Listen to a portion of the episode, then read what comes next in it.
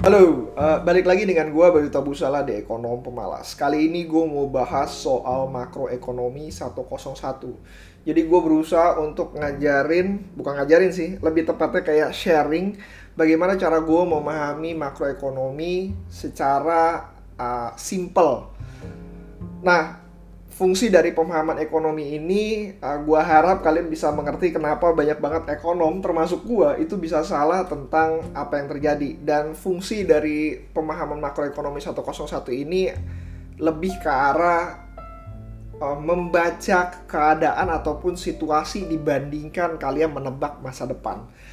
Nah, kalau misalkan intermezzo dulu, kalau misalkan kalian tahu Warren Buffett, uh, Peter Lynch, uh, Mohnish Pabrai dan beberapa investor besar lainnya itu bukan macro trader.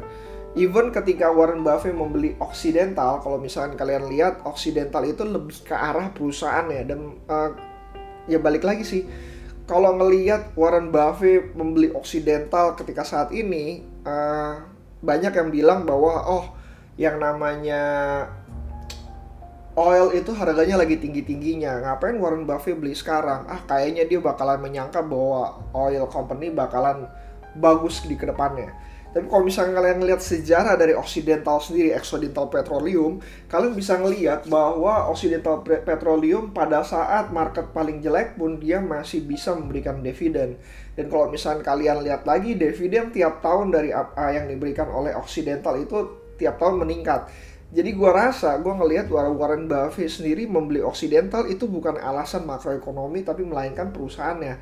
Even in the worst case scenario, Occidental masih memberikan dividen dan dia senang dengan perusahaan-perusahaan yang bisa agile di saat terburuknya. That's it, menurut gue sih seperti itu.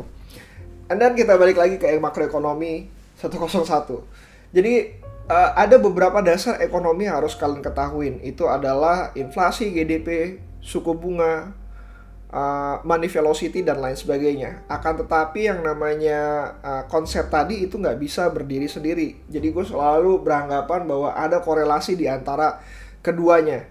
Biasanya gue ngomongin tentang korelasi antara inflasi dan GDP. Inflasi dan GDP itu bagaimana? Jadi kalau misalkan inflasi sedang naik, gue mengharapkan dengan GDP yang jauh lebih tinggi dibanding inflasinya.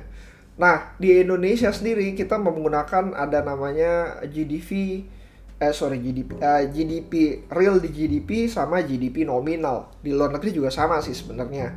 Tapi yang kebanyakan digunakan di Indonesia dan di luar negeri standarnya adalah GDP real. Bedanya apa? GDP real itu adalah GDP yang telah memperhitungkan inflasi. Jadi kalau misalkan kalian ngelihat uh, eh uh, ini kita berapa sih GDP-nya? Oh 3%. Inflasinya berapa? Inflasinya 5%. Artinya sebenarnya pertumbuhan GDP 3% itu sudah memfaktorkan 5% tadi.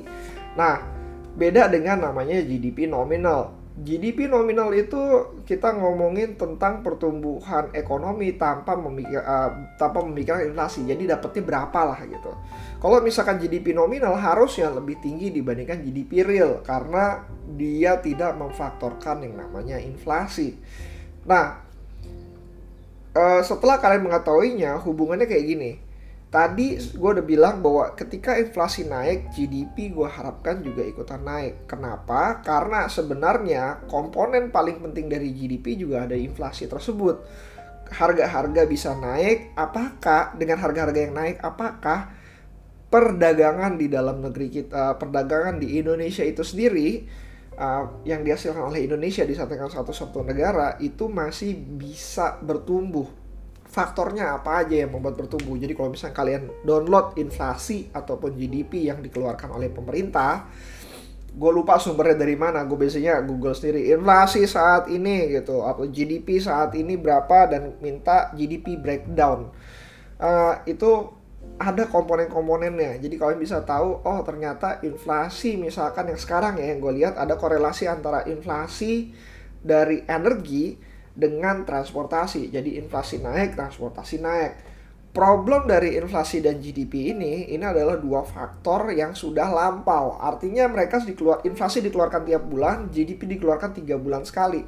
Dan itu lagging istilah dari uh, istilah dari ekonominya mungkin kayak gitulah lagging dan leading bisa memfaktorkan uh, masa masa lalu dari masa lalu sudah terjadi atau bisa uh, leading dari leading indikator dari satu hal lagi yang lain.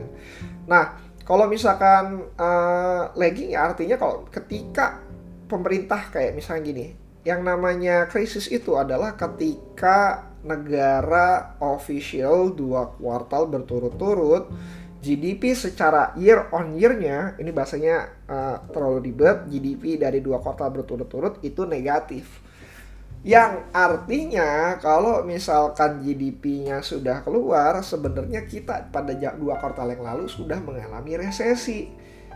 Tapi ofisialnya baru sekarang. Itu kan lucu banget gitu.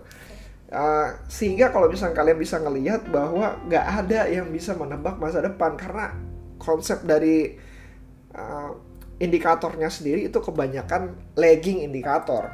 Berikutnya lagi ada yang namanya inflasi dan suku bunga. Nah ini menurut gue jauh lebih impact kepada investasi. Di mana gue sering banget ngobrolin tentang kalau inflasinya naik, kalian beli bond market ataupun kalau misalkan kalian uh, bond market trader ataupun kalian pengennya cuma di fixed income investasi di fixed income perhatikan inflasinya itu sendiri ini uh, luma apa lebih lebih lebih gampang lah lebih gampang uh, kaitannya dibandingkan inflasi dan GDP itu sendiri nah inflasi dengan suku bunga ketika inflasi naik tentu saja suku bunga harus naik intinya gini suku bunga itu uh, dari Indonesia atau fixed income itu sendiri itu seharusnya bisa menghasilkan investasi di atas inflasi kalau nggak boncos kalau misalkan kalian bisa investasi di atas inflasi, artinya kalian untung. Untungnya berapa? Ya selisih tadi, lebih simpel.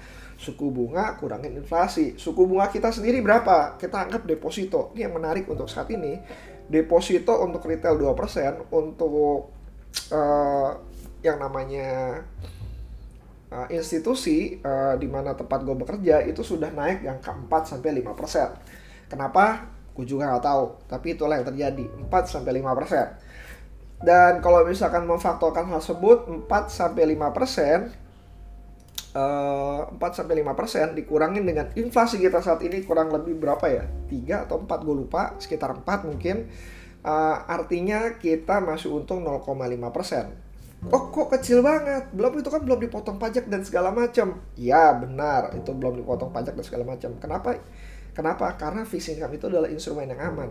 Jadi jauh lebih rasional orang-orang yang berinvestasi di sana.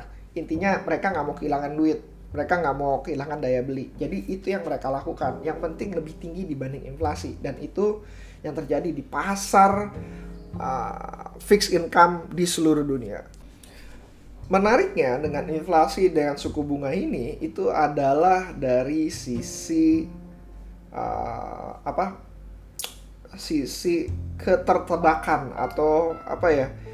uh, surety apa ya istilahnya jadi kalian bisa dengan uh, jelas mengetahui arahnya akan ke arah mana kenapa karena inflasi sendiri adalah leading indikator dari suku bunga ingat ya inflasi itu lagging karena dia keluarnya telat setelah satu bulan kemudian tapi dia leading untuk menentukan suku bunga itu sendiri kalau inflasinya tetap tinggi maka suku bunganya akan naik suku bunganya akan naik. Kenapa ya tadi? Karena nggak mau kemakan dari inflasi.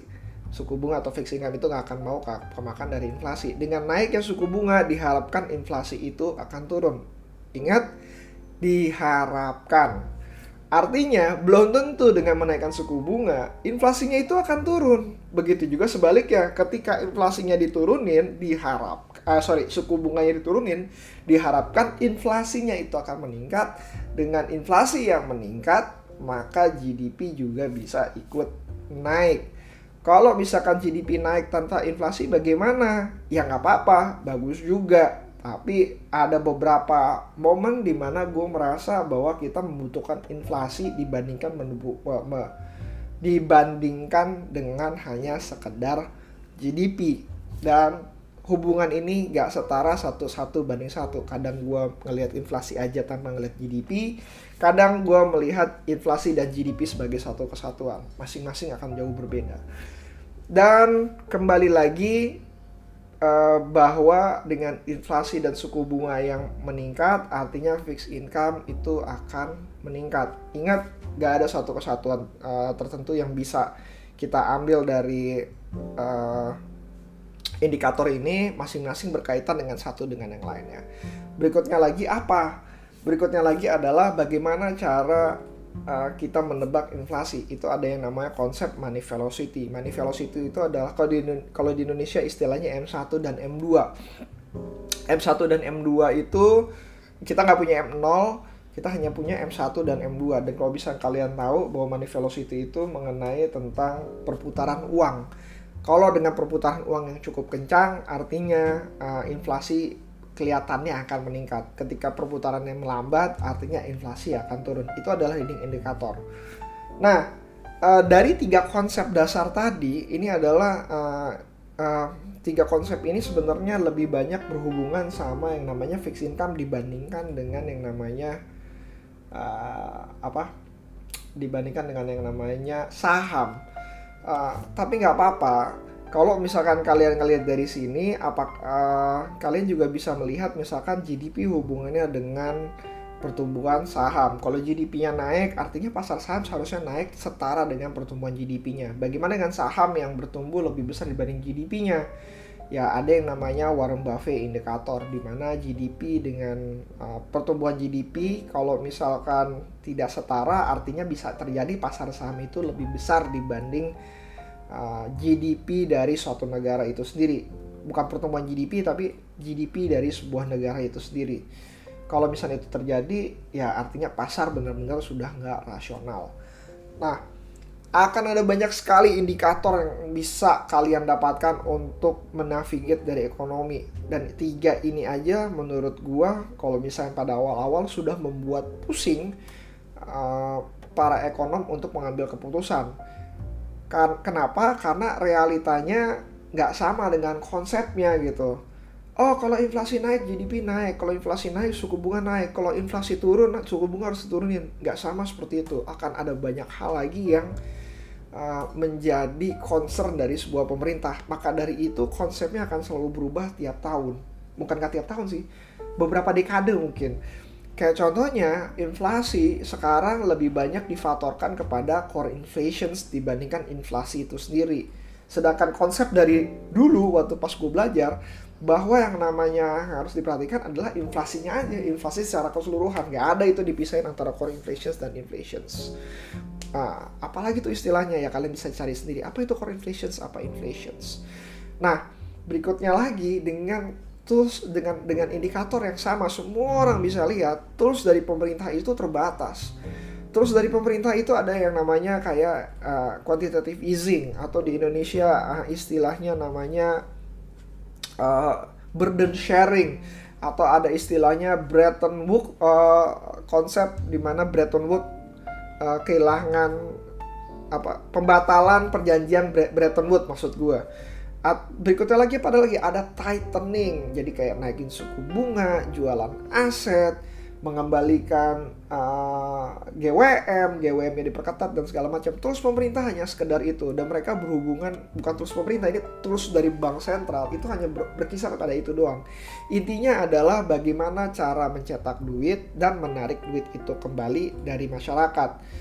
Bukan mencetak duit, menyebarkan uang ke masyarakat dan menarik uang dari masyarakat. Dengan men uh, dengan menyebarkan uang ke masyarakat kembali lagi money velocity-nya naik. Dan ketika money velocity naik inflasinya diharapkan naik inflasi diharapkan naik GDP juga bisa pengaruh naik. Begitu juga kebalikannya ketika inflasinya gede inflasinya gede dan uh, eh, GDP-nya nggak ke mana-mana ataupun GDP-nya sudah uh, sudah cukup bagus juga biar nggak economic overheating. Jadi yang dilakukan adalah menarik kembali uang tersebut. Konsepnya ada banyak tapi menurut gue toolsnya bisa dikategorikan adalah easing dan tightening. Itu aja sih konsepnya. Sehingga untuk navigate uh, fixed income itu jauh lebih gampang tapi untuk navigate pasar saham bener-bener rumit. Dan ketika dengan kerumitan yang ada maka gue akan kembali kepada konsep awal dari Warren Buffett yang katakan dan konsep awal dari eh tadi Buffett, uh, Peter Thiel, sorry Peter Lynch, lalu uh, Mohanis Pabrai, Charlie Munger dan uh, the best investor bahwa mereka hanya memperhatikan company-nya dibandingkan harus ngobrolin tentang makroekonomi. Karena tiga hal tiga hal yang tadi konsepnya hanya cuma bisa navigate. Bukan hanya sih uh, lebih banyak menavigate dari fixed income dibandingkan pasar modal secara keseluruhannya dan ketika kalian mau memahami makroekonomi secara keseluruhan akan ada banyak lagi uh, details ataupun indikator yang harus keluar. Dibandingkan kalian uh, dibandingkan kalian ribet dengan urusan seperti itu akan jauh lebih baik untuk ngomongin makro as a makro global sekali bahwa sekarang kita zamannya inflationary pasar saham bisa baik secara konsep tapi nggak ada yang tahu kapan. Intinya adalah bet on best company yang bisa menghasilkan keuntungan sebaik mungkin dari investasi yang kalian lakukan in the end kita semua bisa salah uh, yang harus kalian lakukan adalah making margin of safety Oke, sekian dari gua tentang konsep dasar ekonomi makro 101. Semoga-mudahan bermanfaat.